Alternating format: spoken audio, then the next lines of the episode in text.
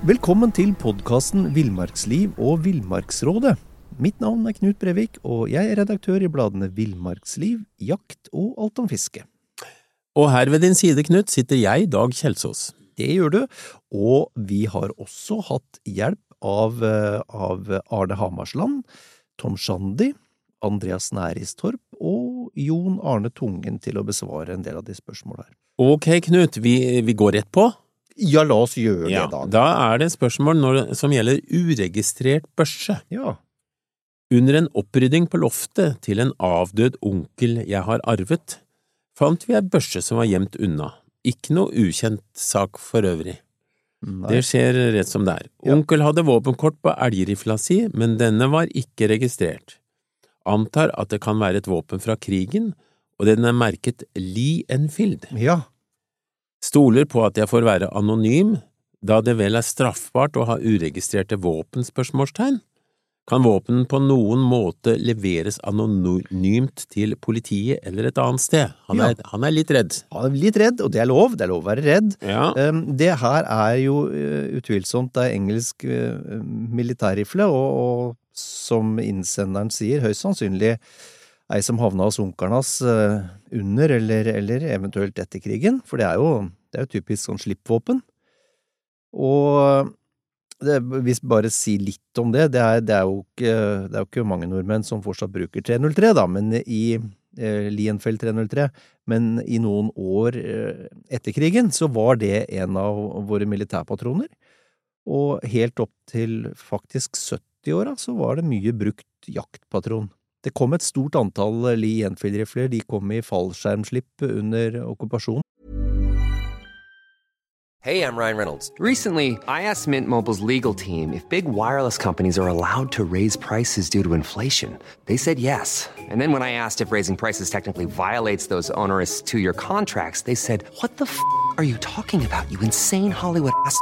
So to recap, we're cutting the price of Mint Unlimited from $30 a month to just $15 a month. Give it a try at mintmobile.com slash switch. $45 upfront for three months plus taxes and fees. Promo rate for new customers for limited time. Unlimited more than 40 gigabytes per month. Slows. Full terms at mintmobile.com. Og, og det finnes mange sånne slippvåpen rundt om i landet. Diameteren eh, på en, en Lee Enfield 303 det er 7,92 millimeter, så det er grovt kaliber. Eh, hvis vi tar eh, hensyn til at de fleste i dag jakter med, med 6,5-55 og, og, og 308, så 7,92 er en grov det er en grovt kaliber. ja, Og, og det vanlige, vanlige kule var 11,7 11,7 gram. Og de eh, vi har, jo, vi har jo selvfølgelig også testa og lagd ladedata for, eh, for eh, 303 til, i, i ladeboka, mm. Eh, og da mm. fikk vi hastigheter fra 660 til 730 meter sekundet. ikke noe voldsomt, altså. Ikke noe voldsomt, nei da. Eh, ganske saktegående, men tung kule da, og grov. Og sånn historisk sett så, så antok britene 303-en allerede i 1889. Og, og britene under sin storhetstid, imperiet, de hadde jo, hadde jo interesser i alle verdenshjørner og, og hadde jo, eh, holdt jeg på å si, voldsomt stor, eh, hva skal man kalle det, kamperfaring. eh, Sånn rent militært. Så våpenet ble jo både kjent og brukt nær sagt overalt. Det brukes jo faktisk en, en par plasser fremdeles. Mm. Mm. Men til, til spørsmålet hans, da. Det Han kan trygt ta med seg rifla til politiet uten, uten frykt for noen form for straff, eh, enten det er våpenamnesti eller ei. Det er, dette er noe som dukka opp, og som han har ligget der sannsynligvis siden krigens dager. Så, så det som skjer da, er jo at eh, er at våpenet vil bli destruert, eller plombert eventuelt, så han ikke kan bruke det, men det kan jo hende det er hefta noe, eh, hva skal hva heter det, affeksjonsverdi til sånne våpen, og da kan man få plombert dem. Mm. Så eh, ingen fare. Eh, ok, over fra eh, engelske Lee Enfield-rifle til fugleriket, og du er vel, eh, du er vel det man kan kalle en ornitolog, Dag? Jeg var iallfall veldig tent på det da jeg var yngre. Ja, ja, slike ting glemmer man ikke. Så dette, dette er, er et spørsmål som går på kråketrekk, og lyder som følger. Jeg har i flere år observert en kråkeflokk som hver eneste dag til samme tidspunkt, cirka klokka ni på morgenen nå på vinteren, kommer nede fra byen og flyr vestover. Disse returnerer ned mot byen igjen til det samme tidspunktet hver dag på sein ettermiddag. Veldig fascinerende å se på, men hva er dette for noe? spør han. Ja, det er et veldig interessant uh, fenomen. Uh, vinterstid så samles det ofte flere tusen kråker til felles uh, overnattingsplass, gjerne da sammen med kaier, som jo er en slektning. Ja. Og de holder jo et ganske kraftig leven når de trekker, så hvis man hører hører og, og ser, så, så, er det litt av et skue. Det er ikke mulig å ikke høre det, i hvert fall. Nei, kaiene er kanskje de verste til å bråke. Ja. Eh, om så, dagen så holder kråkene og kaiene seg rundt i terrenget, finner mat selvfølgelig, og når kvelden kommer, så samler de seg og flyr i flokker av ulik størrelse mot et felles overnattingskvarter. Ja. Eh, de lander som regel flere steder før de til slutt og med mye skrik og skrål, ender opp på en hovedovernattingsplass. Ja. Hvis de blir angrepet av fiender som hønsehauk eller hubro, så er sjansene for å bli tatt mindre når det er mange individer, det kjenner vi jo fra, fra fugleriket for veldig mange arter, da. Dette er jo flokkatferd. Ja. Og det er jo, matematikken i det er jo ganske enkel. Det er jo at eh, hvis man tar, eh, hvis man tar eh, utgangspunkt i at det er bare så mange rovfugler i et område, så jo større flokk man oppholder seg i, ehm, dess mindre vil jo sjansen matematisk være for å bli tatt. Og så sies det også at for rovfuglenes del så de må på en måte ha et øye med å feste seg på et bytte som de konsentrerer seg om, og det mm. klarer de ikke når det er bare en sånn virvar av fugl. Ikke sant? Så det er tydelig at naturen har innretta seg på en sånn måte, da. Og så ikke for ikke å snakke om uh, hvor fort, hvis du sier at det er 1000 kråker, da. Det er 2000 øyne, det, som, som, som, følger med. Ja ja, det er, klart. det er ikke lett å komme innpå da. Nei, det, det, er jo en annen del av saken. Så hvis, hvis det blir angrepet av, av hønsehauk for eksempel, eller hubro, så er jo sjansen til å bli tatt mindre når de er mange, men de har også det her som du sier med at de Eh, skriker og, og sikrer hverandre. Eh, det som er litt artig, er at de med høyest rang sitter øverst i trærne, hvor det muligens da er sikrest i forhold til rovfuglangrep. Ja, men det har jeg lest annensteds hen nå, at, at, det er de sikreste plassene, og at uh, rovfuglen finner eller tar byttet lavere. Ja, jeg kan ikke forklare akkurat hvorfor det, men uh, sånn er det nå, ja. Jeg har lest det i forhold til småfugler, ak akkurat det samme ja, gjelder der. Ja, det er sikrest øverst. Man skulle jo rent intuitivt tro det var motsatt. Ja, jeg tenker også det at det er litt vanskelig å forklare, i hvert fall. Mm. Men sånn er det. Ja. Eller så utveksler jo kråker informasjon når de er samla, om hvor det er mat å finnes. Uh, altså, det kan ligge en død elg et sted, og så videre, og det er jo helt utrolig hvordan til og med biene, som jo er langt lavere når det gjelder, kall det gjerne, som, de klarer også å fortelle hverandre hvor det er mat, og det, det, er en del for å overleve, da. Så veldig mye naturen, det handler om å overleve, mm, og mm. kråkeflokkene, det er en del av det. Ja. Ok, over til fisk, Knut. Kveite og flyndre. Ja. Utenfor hytta mi i Nord-Norge ser jeg fra stuevinduet at det er lys, fin sand nær land. Når jeg er ute med båten, har jeg prøvd å fiske litt med pilk og opphenger utenfor hytta, men har ikke fått noe annet enn litt småsei og makrell. Har dere noen tips om hva jeg kan gjøre for å få annen fisk? Ja. Um, og her lener jeg meg litt på, på Andreas. Og, og, for oss så høres det ut som, uh, som, som innsenderen har utsikt til en skikkelig fin flyndreplass. For, for Sambon er jo fla, flatfiskområdet. Ja. ja. Uh, ja, og ikke, ikke, bare en fin flyndreplass, men hvor også han, som du er inne på, kan ha få mulighet til å få kveite. Mm. Så, så, her ville vi prøvd å lagd et, um, et flyndreslep med én eller to kroker med litt perler på, og brukt det sammen med en glidebom, som er et system der krok og agn kan gli på snøret i forhold til søkkeenden. Og, og kroka de ville vi agna med kokt reke, blåskjell eller noen, tyss, eh, noen, noen sånn tynne fiskestrimler. Slipp ned og, og hold agnet nære bånd, og da kan han få både sandflyndre, rødspette og kanskje til og med en steinbit eller to. Vi ville starta på grunt vann, og så, og så prøvd oss fram og ned til, helt faktisk ned til en 30–40 meters dyp. Og, og, det er klart det Godbiten, godbiten her er jo at også kveitene liker seg på sånne plasser, da, så det kan han jo ta høyde for sånn rent utstyrsmessig, at det, det kan jo glefse til ei kveite òg. Men det er litt interessant at det, det, er ikke så veldig mange, skal vi kalle det vanlige fiskere, som, som fisker etter flatfisk, og det her med jeg holdt på å si, er det noe kvinnelig med kveitene, for de liker perler og glitter og Ja vel, ja, ja, ja. ja. ja. Så, som lokkemiddel, da, og ja. rasle litt på bunnen. ja. ja. Kunne ha sagt mye, det skal jeg ikke gjøre. Nei. Nei. Når det gjelder kveita, så er det snakk om at vi må bruke annen redskap med litt eh, sånne shadjigger og kraftige kroker og alt det der, da. Nettopp, nettopp. Ok, da skal vi over til, eh, til nøtteskriket i dag. Ja.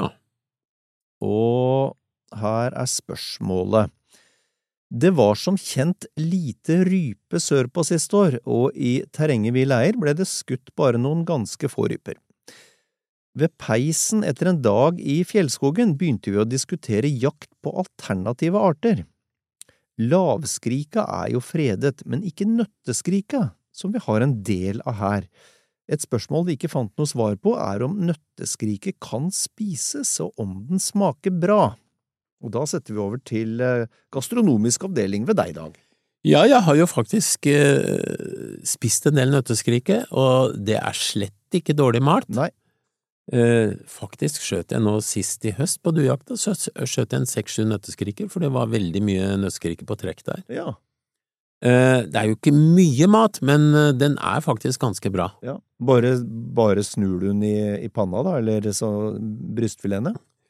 Ja, du, du, må være veldig forsiktig så du ikke steiker hardt, for da blir det jo ikke noe annet enn en sånn hard kladd. Nei, nei. Så, men, men, det skal sies om nøtteskrik at den bør gjennomstekes, fordi den er jo en alteter eh, som kan spise ja, litt av hvert. Så med fare for å få i seg noe som man ikke bør, så, så er det greit å steike det og ha gjennomstekt. Akkurat, ja. Eller så veit jeg jo, eller du husker kanskje du òg, at vi en gang for mange år siden hadde en test i Villmarksliv ja. av smak på forskjellige fuglearter. Stemmer det. Og, blindtest, det. Ja, konklusjonen var at nøtteskriket faktisk smaker ganske godt når du ikke veit hva det er. Nettopp. Det er jo sånn at noen, hvis du sier til noen at du skal skrike Nei, at du skal spise kråke, for eksempel, sånn uff og uff. Ja, ja, ja. Men hvis du spiser ungkrøke uten å vite hva det er, så syns du det er godt. Ja, jeg husker etter den testen hvor vi alle fikk rede på hva det var vi hadde spist, og rangert, så var det et par som gjerne ville gjøre om gjøre om sine vurderinger. Ja, eller kanskje gjøre opp med oss. jeg husker blant annet at det var et par av våre daværende kolleger som hadde rangert måke veldig høyt, ja. helt til de fikk vite at det var noe du hadde skutt på Grønmo fyllingsplass. Ja. Da ville de veldig gjerne gjøre om den, husker jeg. Ja, jeg husker jeg fikk litt påpakning. Nå skal det i sannhetens navn nevnes at jeg sa til han kokken som lagde det, at for sikkerhets skyld, gjennomstek den uh, arten her. Ja. Ja. ja. Med, mer om jakt, Knut. Du har jo blant annet uh, jakta skarv. Ja, ikke, ikke, veldig mye, men det har skjedd. Ikke, og jeg, du har jakta mye mer enn meg, men fyr løs. Jeg jakta skarv i fjor med heller dårlig resultat. Det ble bare én fugl og mange bom. Ja har jeg hagle en over-under med fast trangboring som min far brukte på rypejakt. Tror det er kvart og tre kvart trangboring, som jo iallfall før var veldig vanlig på mm. sånne. Lurer på om dere støtter mitt valg om å kjøpe ny hagle med sjåker for full trangboring, som mine kompiser anbefaler, og da må jeg spørre deg, var det dårlige kompiser, eller? Nei, altså, bare, dette er helt, helt overordna synspunkt, men um, min erfaring, da, det er jo ikke at jaktresultatet blir så mye bedre ved å kjøpe ny hagle. Det er nok ikke det. Altså, det er hyggelig å kjøpe en ny hagle, men, men veldig, veldig ofte så, så, kan man bruke bare en liten del av de kronene som en ny hagle koster. Og hvis man bruker de kronene på å kjøpe seg treningsammunisjon og stå og banke litt løs på lærduer i ulike variasjoner, så tror jeg han vil stå seg bedre på det. Men det var et overordna synspunkt. Um, til, til, spørsmålet så, så vil han muligens få litt bedre resultat med full trangboring. Uh, men problemet ligger ikke nødvendigvis der. Skarven er en ganske hardskutt fugl, så, så, det anbefales å bruke kraftig ammunisjon. Men men det er også viktig å teste at den ammunisjonen gir brukbare skuddbilder, altså jevne skuddbilder med hagla, eh, sånn at du ikke har store høl på, på 20-25-30 meters hold mm. i, i, skuddbildet. Og, og, egenvekten på haglene det er også av stor betydning. Så, så, så kjøp ammunisjon med høy egenvekt, og der får du jo Du får jo eh, eksempelvis eh, sånn tungt eh, tungtstenshagl Eh, med, med, større egenvekt enn bly, som er lovlig å bruke. Altså ikke bly, men, eh, men, eh, men tungsten, blant annet. Og, og, vår erfaring er jo å, å styre unna stålhagl til akkurat skarvjakt, altså. Hvis ikke, da skal skyteavstanden i hvert fall være veldig kort. Veldig kort. Det, ja, vi skal ikke utdype det, men Nei. Uh, uh, det er ikke det vi ville gått for. Nei, altså, hold deg unna stål, i hvert fall til skarv. Ja, ja. For et viktig moment er jo at skarven er en stor fugl, eh, og at det derfor er lett å skyte på for langt hold, fordi du, du, du ser en stor fugl, og, og, man får da inntrykk av at den er nærmere enn han er. Så ja. bruk, te, bruk, tid på å finne et, et, sted å sitte i bakhold, eller sette opp en kamuflasje som, som gjør at, at holda blir korte. Det er også lett å, å skyte for langt bak da, på en stor fugl som flyr temmelig raskt. Så, så nei, ikke det, det, det, opplagte svaret her er ikke å kjøpe seg ny hagle, altså. Er ikke det. Ålreit, um, skal vi se. Du har jo uh, et og annet gevirdag det slenger rundt hos deg, og her er et verdispørsmål, og det er hva er geviret verdt? Spørsmålet lyder som følger. Min avdøde mann holdt villmarksliv i årevis, og jeg ser at dere har en spørrespalte. Min mann var reinsjeger, og det ligger en del gevir på loftet som jeg gjerne vil selge. Jeg har noen bekjente som ønsker å kjøpe et par gevir for å henge på hytte og stabbur.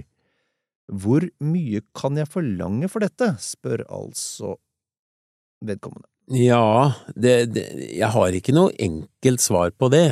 Fordi det er nå en gang sånn at gevirene, de betyr nok mest for oss som har skutt dyret, og som har historien rundt det, og så videre. Det, ja. det er ikke så mye verdt for, for, andre som ikke har noe forhold til det.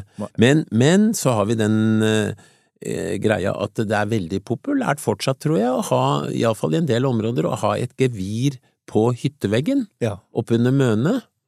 Og så var det en sånn Nå må jeg innrømme at interiørtrender har aldri vært mitt sterkeste område, men det var jo, jeg tror delvis fremdeles, at det var en sånn trend at de skulle henge opp eh, et, et gevir i stua si. Ja, jeg har jo sett groteske plasteksempler på det her. I mangel av noe annet, ja. ja og det, da får man jo heller kjøpe et ordentlig gevir, da. Ja. Men eh, tilbake til prisen. Eh, som sagt, veldig vanskelig å, å, si noe eksakt på det, og det kommer jo også en god del an på hvor fint geviret er, ja. hvor stort det er, om det er pent satt opp på en plate, om skallen er hvit og pent rensa, og så videre. Ja. Så det er veldig mange faktorer som kommer her. Jeg har sett priser på fra noen få hundrelapper til et par tusen for reinsgevir med skalle, for eksempel. Og såpass, ja. Så ja, jeg husker det var Det har vært på auksjon noen ganger, og litt forskjellig. Ja, du på, på, på Hamar, på den derre villmarksmessa vi arrangerte ja, ja, der. Ja. Der uh, veit jeg det ble omsatt noen noe gevirer, og ja, det husker jeg faktisk. Der var, mener jeg det var et elggevir òg, jeg. Ikke noe sånn voldsomt imponerende, som gikk for 1500 kroner, eller hva det var. Ja, ja, ja. Men dette er jo 10 år siden, eller 15 år siden. Men, eh, men eh, du, du, man kan jo se på Finn hva som tilbys der, men eh, der skal vi jo være oppmerksom på at den summen som står der, ikke alltid er den selgeren får, da. Mm, mm. Så her er det så enkelt som å, å, prøve markedet og se hva folk for eksempel på Finn har lyst til å gi for geviret? Ja, ja. Må bare knytte en liten kommentar til det og Dag. Jeg, for det er, litt, det er, jo helt riktig det du sier, at uh, i utgangspunktet har jo ikke et gevir noen verdi for andre enn den som har skutt det. Um, selv, selv, om det noen liker å henge det opp i stua av ren pynt, da, men det er jo sånn blir en sånn gjenstand for en pyntegjenstand. Men um, jeg, har, jeg kjenner jo til uh, et par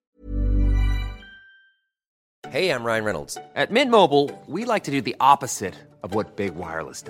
They charge you a lot, we charge you a little. So naturally, when they announced they'd be raising their prices due to inflation, we decided to deflate our prices due to not hating you. That's right. We're cutting the price of Mint Unlimited from $30 a month to just $15 a month. Give it a try at mintmobile.com slash switch. $45 upfront for three months plus taxes and fees. Promo rate for new customers for limited time. Unlimited more than 40 gigabytes per month. Slows. Full terms at mintmobile.com. Um, hendelser hvor, hvor uh, folk som ikke har skutt uh, dyr, har stjålet, lurt unna geviret.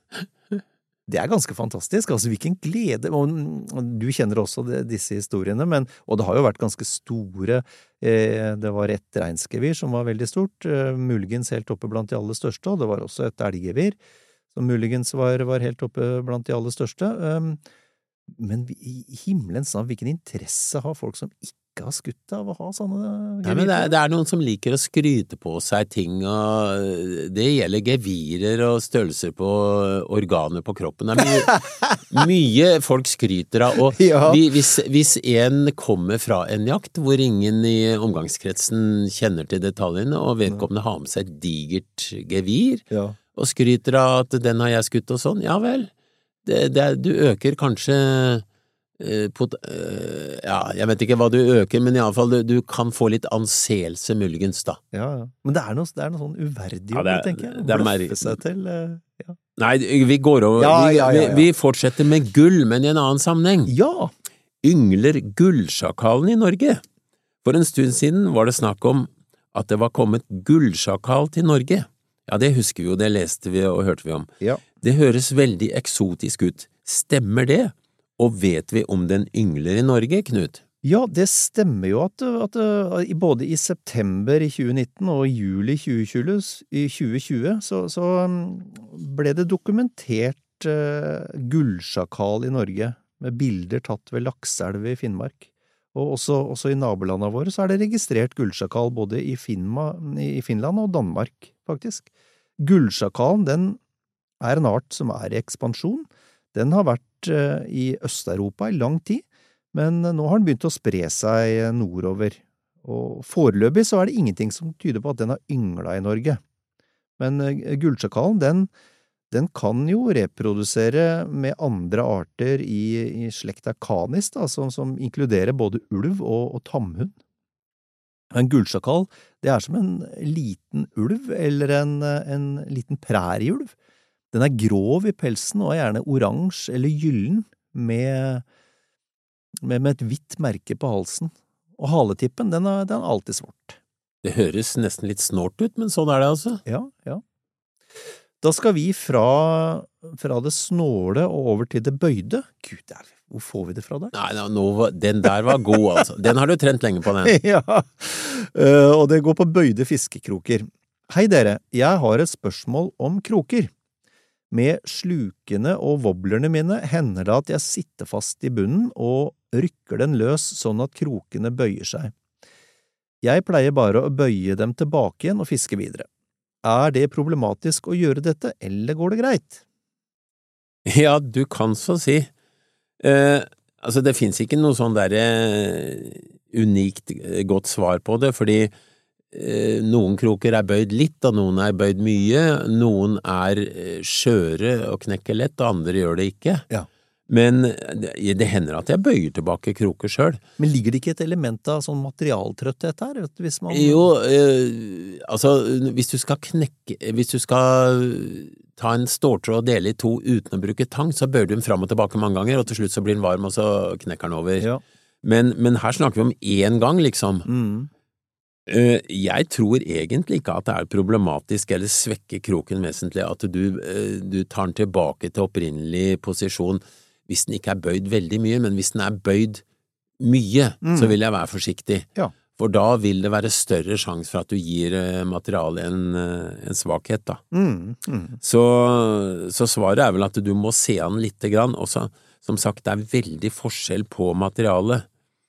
Eh, noen, er, noen er som sagt bøyelige, og det, det, er, det er egentlig dårlige kroker hvis de bøyer seg lett. Ja. Og da er vel svaret heller at du skifter kroken. Eh, En krok koster relativt lite Mm. i forhold til den, skal vi si, skuffelsen hvis du opplever at en stor fisk går på og bøyer kroken og forsvinner. Ja. Ja. Så, så, og det finnes jo faktisk sluker og wobbler som har så dårlige kroker når du kjøper dem at du bør skifte med en gang. Så hvis du merker at det er ordentlig lett, eh, ordentlig dårlige kroker som bøyes lett, så, så skift med en gang. eh, eh, Men selvfølgelig på en fisketur kan du kanskje bøye den tilbake og fortsette fiskinga ut den dagen, da. Mm, mm. Eh, Men du, øh, når det gjelder kroker og det her med, med skarphet, det er sånn tilbakevendende både problem og spørsmål. Ja. Ehm, hvordan, hva slags, hvordan, sjekker du at kroken din er skarp nok, Eh, og hva, hva gjør du eventuelt, Dag, hvis, øh, hvis du har en mistanke om at kroken har blitt sløv av en eller annen grunn? Ja, det er et forhold som dukker opp hvis du setter fast en stein, og Ja. kroken eh, bøyer seg. En ting er å bøye den tilbake, en annen ting er at spissen kan være veldig redusert, sånn at eh, hvis det er veldig myk, så kan den bøye seg tilbake på en måte. Mm, mm, Eller den kan også selvfølgelig knekke, da. mm. Men eh, sløve kroker er ikke noe å stå etter på, på fisketur. Nei. Så det er nok en grunn til å skifte, eller at du har med deg et bryne og, og, og bryner opp kroken, da, som blir skarp igjen. Ja, for da setter du den rett og slett opp, da, bare. Ja. ja. Og det, det er ikke noe feil, eller det gjør jeg ofte på kroker eh, hvis jeg har en eh, Hvis jeg merker at jeg er blitt sløve ved å ha vært i stein. Mm, mm. Så, men, men altså, når det gjelder trebelkroker som er på sluker og voblere, hvis du har en svak krok, så kan du faktisk, en, og det er trebelkroker eh, som er tre stykker som er ganske små, Mm. så kan du bytte over til en enkeltkrok som er litt større, men som er mer solid. Så det er også en mulighet når vi først snakker om dette her. Ja. Og de som gjør det, de påstår at det, det, det gir ikke noe sånn vesentlig dårligere resultat, fordi eh, når fisken gaper over, så vil den store kroken sitte bedre, sikrere enn en trebelkrok hvor det er lettere for fisken kanskje å vri seg løs, og det er også litt mindre krok, da. Ja. Så, men, men det viktige er å ha anerkjente og skikkelige kvalitetskroker da, fra en anerkjent produsent. ja, for der er det store forskjeller. Det, det, er- altså det er med, med, med kroker som med nesten alt annet her i verden, at det fins billig og dårlig. Ja. Så, og kroken er jo vesentlig for å få fisk, det, det skjønner vi alle. Det skjønner til og med jeg. Ja. Knut, vi går over på elgmager. Ja, Ja, For det har du greie på. det er det noe jeg har greie på, så er det elgmager. Kua har fire mager, hva med elgen? Ja. Det er spørsmålet. Det var et eh, enkelt og, likefremt spørsmål, og ja, elgen er, er drøvtygger, akkurat som kua, så den har også fire mager for å kunne bryte ned tungt fordøyelige fibre, det vil jo i praksis si cellulose, som finnes i de fleste plantevekster. Og, og de fire magene, det er de magene som vi kaller for vomma, det er bladmagen, det er nettmagen, og det er løpet. Den, sto, den store vi har, hva er det? ja, ja, gud vet. Det er vom, i hvert fall. Ja. Det må du ikke lure på. Det er vom. Um, men eh, da tenker jeg i dag at uh, det, vi lar folk suge på den, og så ønsker vi dem en strålende uke videre. Det gjør vi, Knut.